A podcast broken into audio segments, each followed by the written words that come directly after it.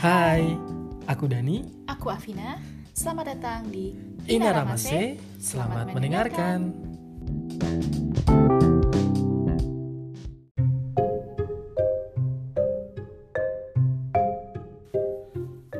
Halo halo, balik lagi di Inaramase. Kali ini kita mau ngobrol ngobrolin tentang tempat tinggal.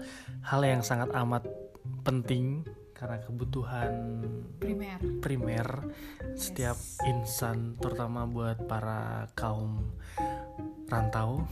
Jadi di sini kita mau ngobrolin apa nih? Kayak tentang mungkin tentang kiat kiat kiat mendapatkan rumah terus 101 pindahan.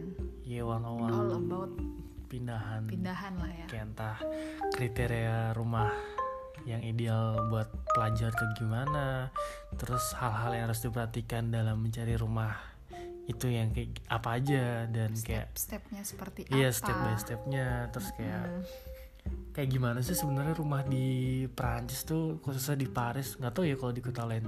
Tapi kayaknya kurang lebih sama ya maksudnya di sini kan eh, kalau misal ngomong soal peraturan gitu kan mereka patuh banget gitu loh. Jadi kayak peraturannya A ya semuanya harus ngikutin A gitu loh. Jadi ya mungkin mungkin ya sama di Paris maupun di kota-kota lain. Oke deh jadi kita pertama kali mau eh, ngebahas dulu ya latar belakang kita udah berapa kali pindah rumah sampai ke yang sekarang ini dan nggak tahu nanti bakal Pindah, pindah lagi atau enggak kalau kamu udah berapa lama? Ah, berapa Ah. kali pindahan? Berapa kali pindahan? Berarti dari 2015 tiba di sini waktu itu tinggal berempat sama teman-teman Indonesia juga cewek semua. Apartemen itu ada empat kamar di situ sekitar 2 tahun 2015 2017 sampai akhirnya menikah. Jadi eh, sama Mas Dani kami nyari apartemen untuk apa istilahnya pasangan muda gitu ya. Eh, di apartemen kedua ini kurang lebih dua setengah tahun oh yang pertama itu di daerah Villejuif di pinggiran kota Paris di dan- selatan gitu di selatan Iya, Paris di selatan Paris tapi masih terjangkau sama metro. Jadi masih Hmm, mudah lah ya ke oke. kota. kayak apa nih kayak Depok atau kayak Bogor atau lebih jauh lagi tahu Depok kali ya kan deket kayak nggak terlalu jauh dari Paris Nggak jauh sih, tapi udah bukan termasuk Paris gitu. Cuma Oke. masih masih kota lah, masih banyak eh, masih banyak hal masih banyak hal yang bisa di apa ya istilahnya kayak masih banyak pertokoan terus masih ya kayak kota kecil gitulah. Nah terus udah gitu yang kedua ini di Vitry-sur-Seine perbatasan Villejuif Vitry-sur-Seine masih dapat metro juga. Eh yang pertama tuh enggak deh nggak dapat metro. Yang pertama tuh bis bis. Eh, yang kedua ini baru mendekati lagi ke Paris dapat metro. Terus yang ketiga itu ini eh, apartemen kami yang sekarang nih eh, kita pindah sekitar tiga bulan sekitar Maret. bulan Maret Maret 2020 sebelum apa namanya sebelum lockdown. untungnya ya sebelum lockdown pindah ke sini. Yang sekarang ini nama daerahnya Kasyong. Eh, di sini sih nggak terjangkau metro tapi terjangkau transportasi lain yakni RR kalau Mas Dani gimana? Eh kalau aku sendiri yang bener-bener soalnya kan aku eh, waktu itu pernah numpang di teman jadi waktu itu kenal di Bandung terus eh, bermalam beberapa malam di tempat dia kayak mungkin sebulan deh sebelum dapat krus krus tuh apa ya bilangnya ya kayak residen buat student kali ya kayak asrama. Asrama Iya lebih ke asrama, asrama buat mahasiswa pelajar. asing gitu. Jadi kayak oh dia dapat tempat di sana. Itu di Paris kayak di bangga ya? bangga lah kayak mungkin semua pelajar di sini pengen kali tinggal di daerah soalnya situ emang rebutan ya?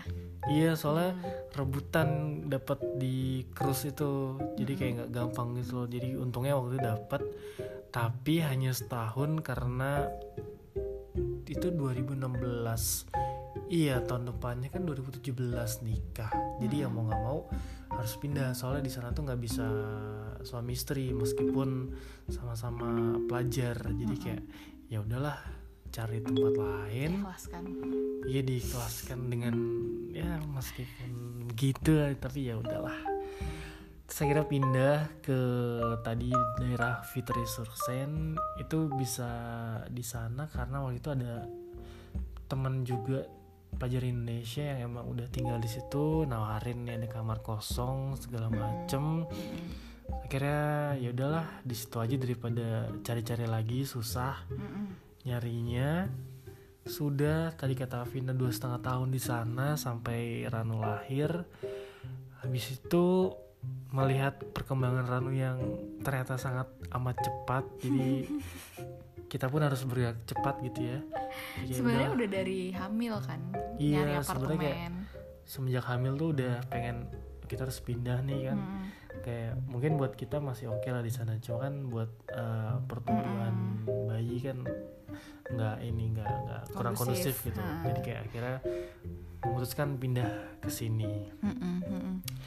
gitu deh Lagian di apartemen sebelumnya tuh kan segedung tuh isinya pelajar semua Jadi kami juga nggak enak kan kalau misalnya ada tangisan bayi mengganggu mereka belajar atau gimana Jadi ya kami tahu diri lah ya iya bener-bener jadi kita tuh kayak ya kita tau lah rasanya jadi pelajar yang Yang harus yang harus begadang ngerjain tugas gitu. Dalam bahasa Prancis gitu belum kan. kalau deadline harus harus full of silent terus apalagi ya kalau dibilang rumah tuh kita sebenarnya kalau aku ya kalau aku pindah dari yang sebelumnya ke yang tadi Fitri itu terus ke sini kayak nggak nggak bukan karena tuntutan ah ini kurang cocok nih sama aku nih atau ini kurang pas gitu. Dari segi entah dari fasilitas atau dari bangunan atau dari transportnya segala macam cuma menurutku kayak emang ya tuntutan sih kayak kebutuhan gitu kan. Bukan sekedar kayak ah bosan di rumah ini pindah sana bosannya rumah situ pindah sini gitu kan. Jadi kayak ya kayak gitu sih. Tapi kalau misalnya dari secara kriteria sendiri nih menurut menurut aku ya rumah ideal di sini tuh menurut aku sebagai laki-laki gitu kan. Apalagi dulu kan aku sempat kayak tinggal sendiri itu sebelum nikah sama kamu.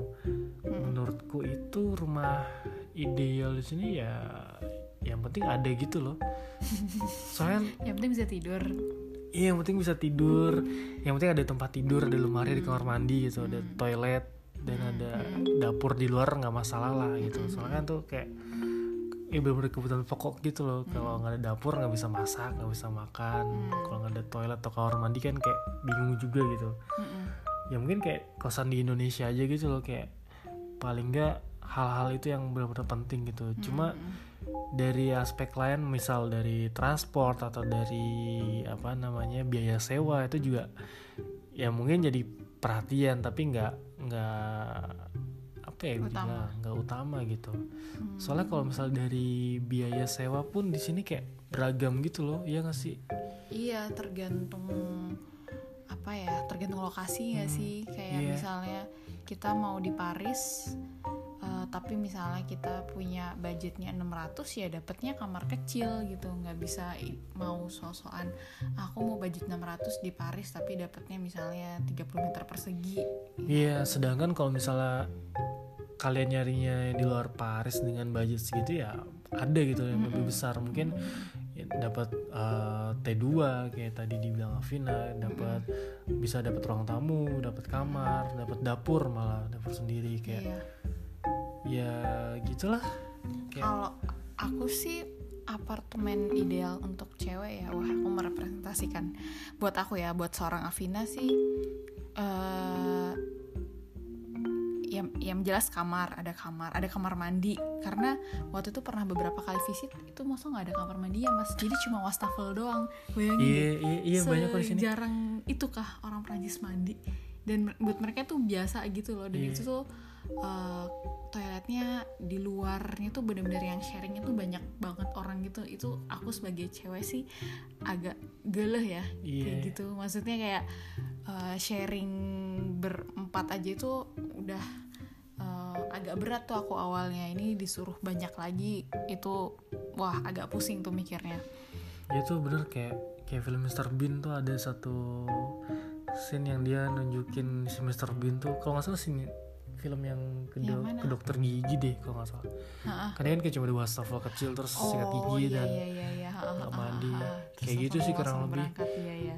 dan Ha, itu bener-bener. dan itu biasanya yang ada wastafel tuh di lantai 5, lantai 6 gitu Mm-mm, yang paling atas Itu emang Jadi- biasa kamar-kamar untuk student sih, emang kecil gitu kan kamarnya, Iya. terus di bawah atap gitu ya. Mm, mm, iya Terus, Terus kalau aku sih hmm, prefer ada mesin cuci.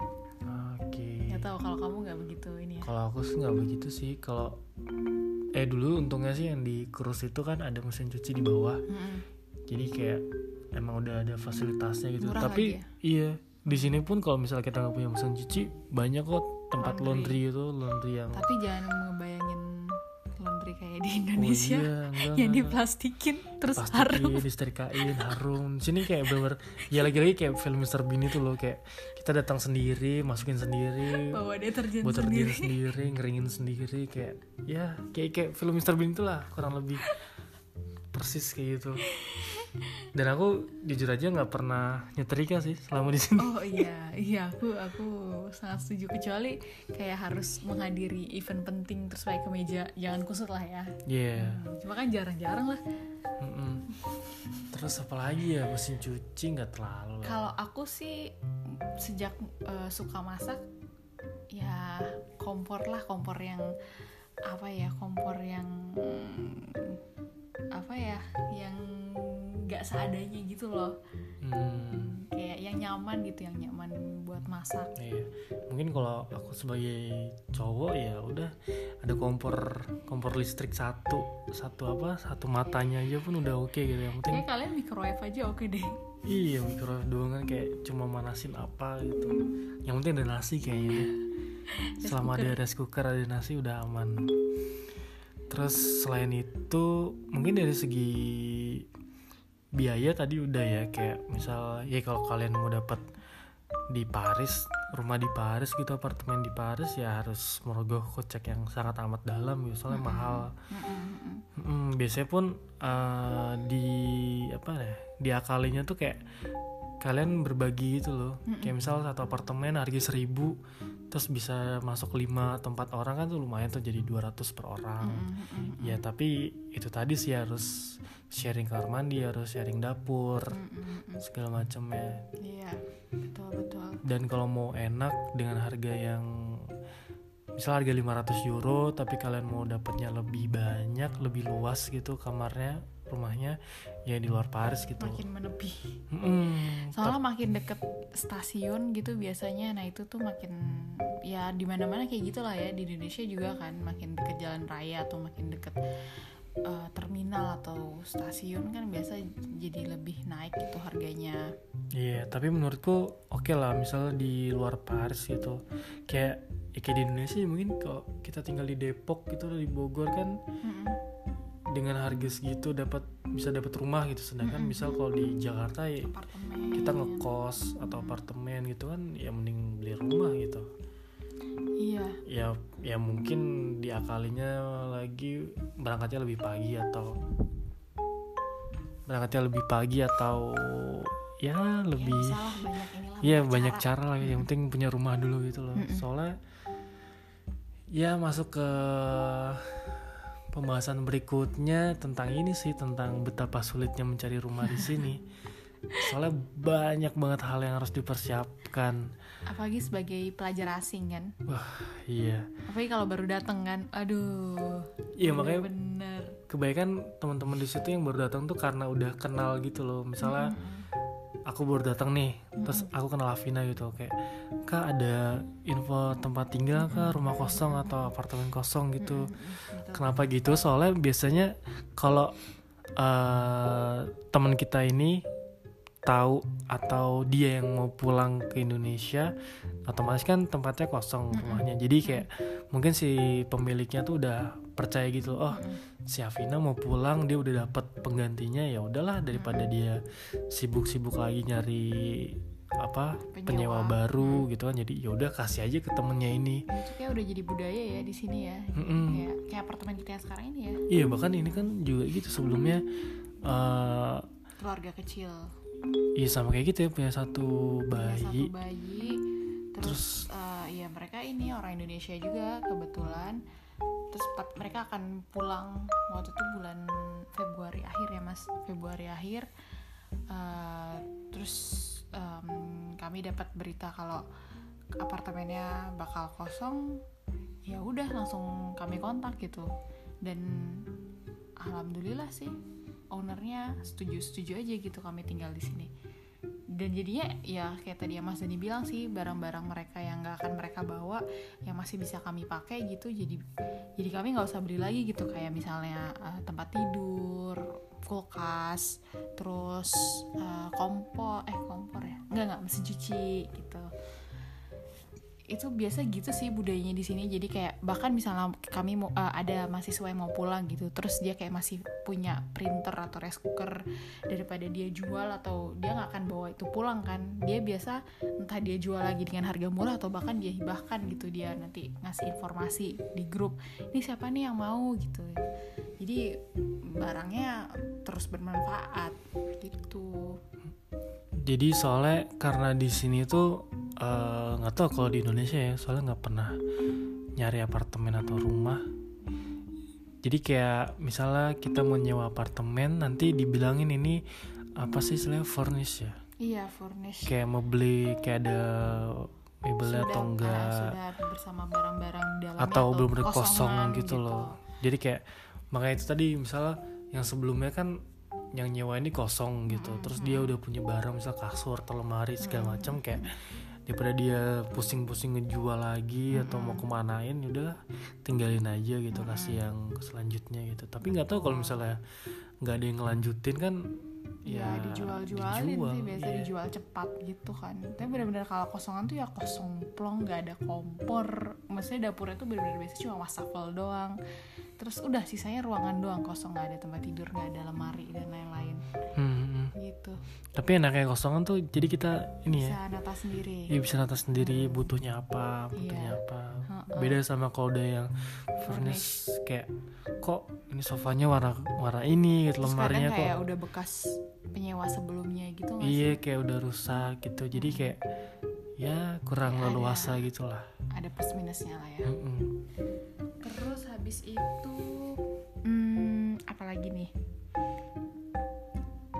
Habis itu to do list ketika cari tempat tinggal mm, mungkin yang sangat amat diperhatikan adalah eh harga kali ya. Enggak. harga lokasi juga nggak sih? Iya sih, misal harganya 1000 eh enggak 1000 misalnya harga 500 dekat metro atau bus oke lah ya itu atau enggak misalnya kamu kuliahnya di kayak kita nih misalnya kuliahnya di Sorbonne Nouvelle. Terus kita mau cari yang murah tapi di luar Paris tapi misalnya di utara gitu. Kan capek juga tuh misalnya harus ke dari utara terus habis itu ke Sorbonne tiap hari bolak-balik gitu. Jadi maksudnya trayeknya tuh yang sejalan gitu loh dengan rumah sekolah baru kita pertimbangkan harga. Biasanya gitu sih lokasi preferensi di mana dulu gitu di mana mana aja. Kayak misalnya kan mas mas Dani sukanya eh, apa Paris 13 atau Villejuif kalau pinggiran. Tapi kayaknya nggak tahu ya kalau aku makin ke sini tuh lebih lebih nggak apa-apa gitu loh di mana pun. Soalnya kan misal dihitung-hitung pakai transportasi kan kayak udah pasti gitu loh waktunya. Kayak mungkin dari jarak sini ke kampus salah setengah jam gitu. Hmm. terus dari jarak kampus ke sini ke rumah yang kedua misal satu jam. Jadi kan ya ada pertimbangannya gitu Hmm. cuma kayak kalau dari hal lain tuh apalagi yang harus dipersiapkan? iya mau diperhatiin juga ini luas. Biasa kan kita nyarinya oh iya bener. Jadi kayak luas dan tipe tipe rumah. Tipe rumahnya tuh Nah, tidak studio kan kalau hmm, kita. jadi kalau studio tuh bener cuma kamar ada dapur dan kamar dalam mandi. ruangan yang di sama. dalam satu ruangan. Mm-mm. sedangkan kalau T2 tuh bisa ada satu kamar satu ruang tamu satu dapur jadi nggak ada sekatnya lah buat Iya. misahin kalau sendiri mah nggak masalah ya studio cuma kalau udah berkeluarga apalagi punya anak ya enaknya memang ada kamar satu kamar gitu Hmm. sama paling ini aja kali kalau misalnya dapat misal cari di iklan di internet gitu kan ada Mm-mm. rumah disewakan terus kayak jangan cuma satu eh, satu apa namanya pengiklan kita hubungin habis itu udah gitu loh. Kalau bisa kayak hampir satu page tuh kita kontak Iya, semuanya iya, gitu loh. jadi iya, kan iya, iya. kalau situ benar-benar nggak ada yang tahu gitu loh entah yang bahkan nanti misal ada yang respon kita ini yang mana ya ini ya? Saking banyaknya gitu loh. Karena ya emang di sini ini banget sih eh, apa ya para pemilik tuh picky banget gitu loh. Mereka harus memastikan si penyewanya ini tuh bener-bener bisa bayar eh, sewa apartemennya. Karena begitu si penyewanya udah tanda tangan kontrak semua tanggung jawab itu udah pada pemiliknya. Jadi misalnya setelah itu mereka nggak bisa bayar si pemiliknya nggak bisa menggugat karena dari awal udah setuju gitu kalau akan disewakan ke orang ini. Makanya di sini dikenal istilah garong kayak penjamin gitu loh. Jadi kayak misal kita mahasiswa asing datang sini kan ya mungkin mereka nggak tahu background kita kan. Mm-mm. Uh, jadi mereka bisa biasanya butuh penjamin lah istilahnya. Seseorang yang bekerja di sini. Iya yang kerja di sini. Misalnya Afina ini udah kerja di sini kerja tetap gitu kan. Gaji udah beribu-ribu euro. Mm-mm. Terus aku minta Afina jadi garongku jadi penjaminku biasanya mereka oke gitu karena melihat profil Afina bukan ngeliat profilku lagi kayak wah si Afina nih kerja di perusahaan A nih penghasilannya segini per bulan dia udah kerja di sini berapa lama gitu. Jadi kayak oke lah nih menjanjikan nih orang nih. Jadi kalau misalnya Mas Dani nggak bisa bayar, si pemiliknya tuh bakal ngubungin aku. iya bener. Jadi kayak ini si Dani nggak bisa bayar nih Tuh Dani kabur nih gitu. Iya kan. Jadi lo Kamu tanggung jawab. Penjaminnya ya harus tanggung jawab gitu. Cuma nggak nggak sedikit juga yang minta misal bos atau temen kerja tuh jadi penjamin sih. Soalnya emang biasanya yang diutamakan tuh ya orang sini orang Perancis gitu Hmm. loh. Iya. mm-mm. Mungkin nggak tahu bisa nggak sih kayak misal ada orang Indonesia kerja di sini terus kita minta dia jadi garong. gitu. misalnya orang Indonesianya si gaji standar gajinya sesuai dengan yang ditetapkan sama pemiliknya dan misalnya dia pegawai tetap atau ya kontraknya CDI atau gimana ya kayaknya bisa-bisa aja sih. Hmm, ya soalnya kayak bahkan si penjamin pun ada syaratnya lagi gitu iya, ada kayak syaratnya lagi. Pokoknya gajinya si harus berapa kali tuh bener-bener di- harga sewa di scan gitu, gitu. loh sama sama Iya, si sama pemiliknya. si pemiliknya Nah kalau eh, kami nih kasusnya karena kami sebenarnya waktu itu udah eh, beberapa kali minta ke mm, atasannya Mas Dani untuk jadi penjamin.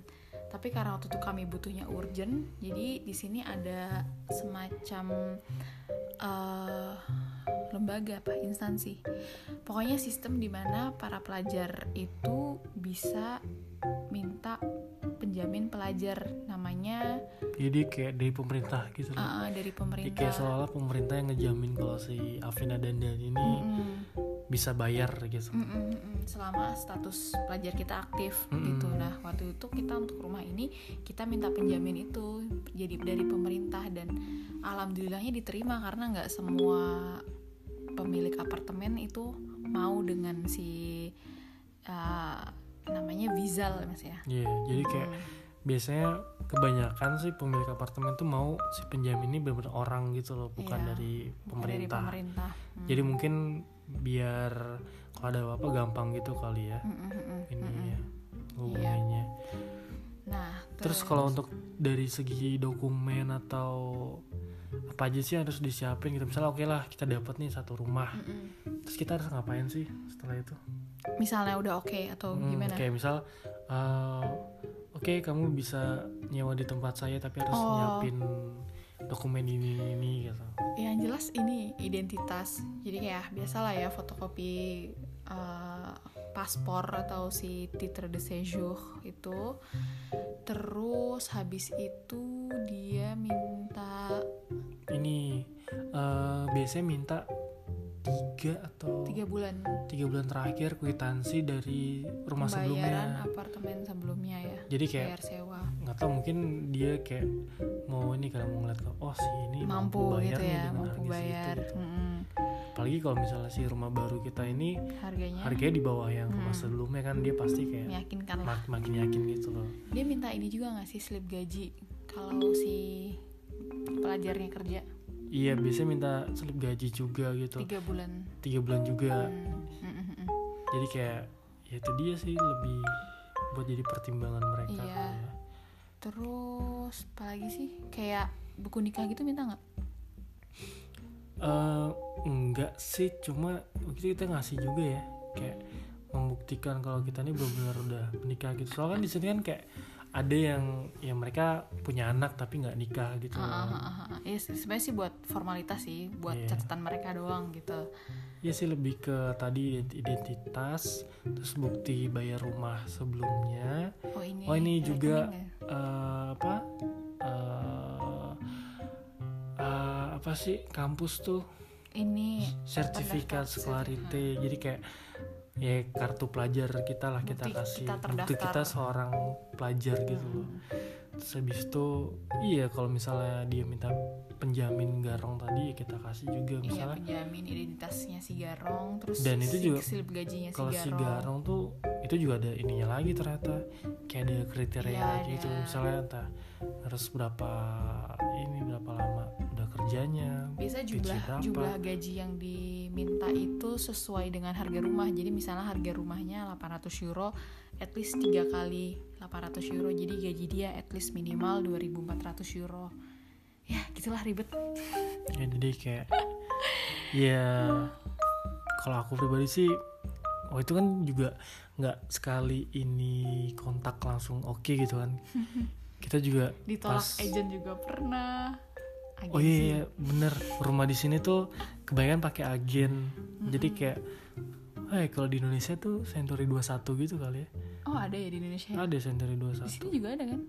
Banyak di sini. Hmm. oh itu berarti Jadi di kayak- dunia. kebanyakan eh, pemilik tuh menyerahkan ke agen gitu loh. Hmm, jadi ntar biar biar lebih mudah biar lebih gampang gitu dan biasanya ada biaya. free kayak apa sih istilahnya biaya buat agennya gitu loh, kayak apa sih Ba- apa bilang sih kalau bahasa Indonesia itu kayak jasa gitu kali. Iya. Apalah. Itu kadang yang memberatkan sih.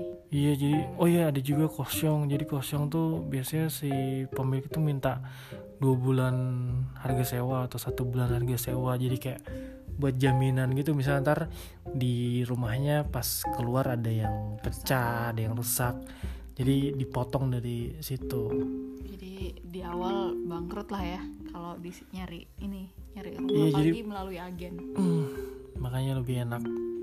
Inilah tapi enaknya udah agen kenal. tuh biasa apartemennya tuh emang relatif lebih bagus sih daripada nyari sendiri. Kalau beruntung ya nyari sendiri dapet yang bagus. Biasa kalau di agen tuh lokasinya bagus apartemennya bagus. Cuma ya itu ada harga yang harus dibayar. Iya benar benar benar. Terus nih kalau misal oke deh saya terima dokumen kamu gitu. Mm-mm. kayak habis itu udah janjian ya janjian kayak Mm-mm, mm-mm. buat Tanda kontrak. tanda kontrak sekalian siapin tuh tadi yang misal si uang yang diminta dia Berapa gitu. Akhirnya tibalah hari tanda kontrak. Nah, itu dijabarin tuh di kontraknya bahkan ditulis kayak eh, hukum-hukumnya gitu pasal-pasalnya. Mm-mm. kayak misal pasal sekian tentang apa sih keributan atau tentang apa gitu ditulis semua tuh. Termasuk kayak fasilitas yang disediain misalnya dia nyediain garasi gudang Mm, bahkan terus sampai sistem pembuangan sampah kuncinya pun ditulis gitu loh misal ada dua kunci yang Iya, dikasih kunci surat kunci buat ke basement buat ke sampah Mm-mm. gitu. Terus misalnya per bulannya maksimal harus bayar tanggal berapa kalau nggak bakal kena sanksi. Iya benar-benar. Terus ya tadi kayak misalnya di apartemen ini tinggal berapa orang siapa aja di- disebutin gitu namanya siapa siapa aja. Terus di apartemen ini fasilitas ya fasilitasnya kayak tadi misalnya dia nyediain eh, kompor doang atau ada tempat tidur atau gimana itu juga.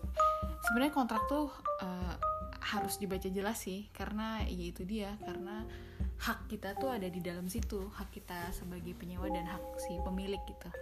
Jadi harus benar-benar ditelusuri lah buat yang mengerti bahasa Perancis iya dan ditulis juga sih di kontrak kayak misal entah kita mau udah nih nyewanya kita harus bilang minimal sebulan sebelumnya. Hmm, bahkan harus nulis surat kan iya ya? harus nulis surat kayak nanti si pemiliknya bikin apa sih kayak surat pemutusan, pemutusan kontrak, kontrak buat dikirim ke entah ke pemerintah atau iya, ke mana gitulah oh ya udah kita manut aja gitu selama kita selama duitnya bisa dapat rumah gitu kan balik terus habis tanda kontrak kunci kunci nah pas kunci ini baru namanya etat de lieu hmm. jadi etat de lieu entrée hmm. ada etat de lieu sortie kalau nggak salah hmm. ya entrée tuh kayak kita dikasih tahu kayak istilahnya kayak apa ya dikasih keliling gitulah nih rumahnya dijelasin sama dia. Ini ada lampunya ini kacanya ini misal ada lecet di sini ada yang ini rusak atau misalnya nih kompornya nih ada yang nggak nyala gitu dicatat sama dia. Misalnya kerannya nih masalah dicatat sama dia. Jadi ntar pas uh, keluar tuh harus sama keadaannya sama dengan masuk gitu. Iya. Mm-mm. Jadi nanti pas kita udah selesai kontrak, nah misal kita udah mau pulang gitu, udah nggak tinggal di sini lagi, nanti ada namanya tadi sorti. Jadi itu kayak balik kayak yang tadi. Jadi si pemiliknya tuh juga keliling lagi, misalnya nih, oh ini terlalu banyak minyak nih di dapurnya kotor gitu kan. Mm-hmm. Dulu nggak kayak gini nih. Mm-hmm. Kayak misal kok nih temboknya jadi banyak coret-coretan nggak dicat mm-hmm. lagi itu kayak nanti sama dia dipotong dari kosong tadi itu mm-hmm. ya misal dihitung harga cat berapa harga tukang buat ngebersihin dapur berapa gitu ntar di dipotong iya jadi kita harus memastikan apartemen kita bersih seperti awal begitu keluar kalau nggak mau si kosongnya dipotong apalagi kayak misalnya apa lubang-lubang di dinding gitu-gitu kan bekas maku apa ya biasa kita ini sendiri di apa ditambal sendiri gitu biar seperti keadaan awal. Itu juga harus dipastiin sih sama pemiliknya kita boleh nggak kayak misalnya naruh figu naruh foto gitu di dinding atau maku jendela karena ada beberapa peraturan yang kalau kita melakukan itu bisa kita yang bayar gitu. Oh iya lupa.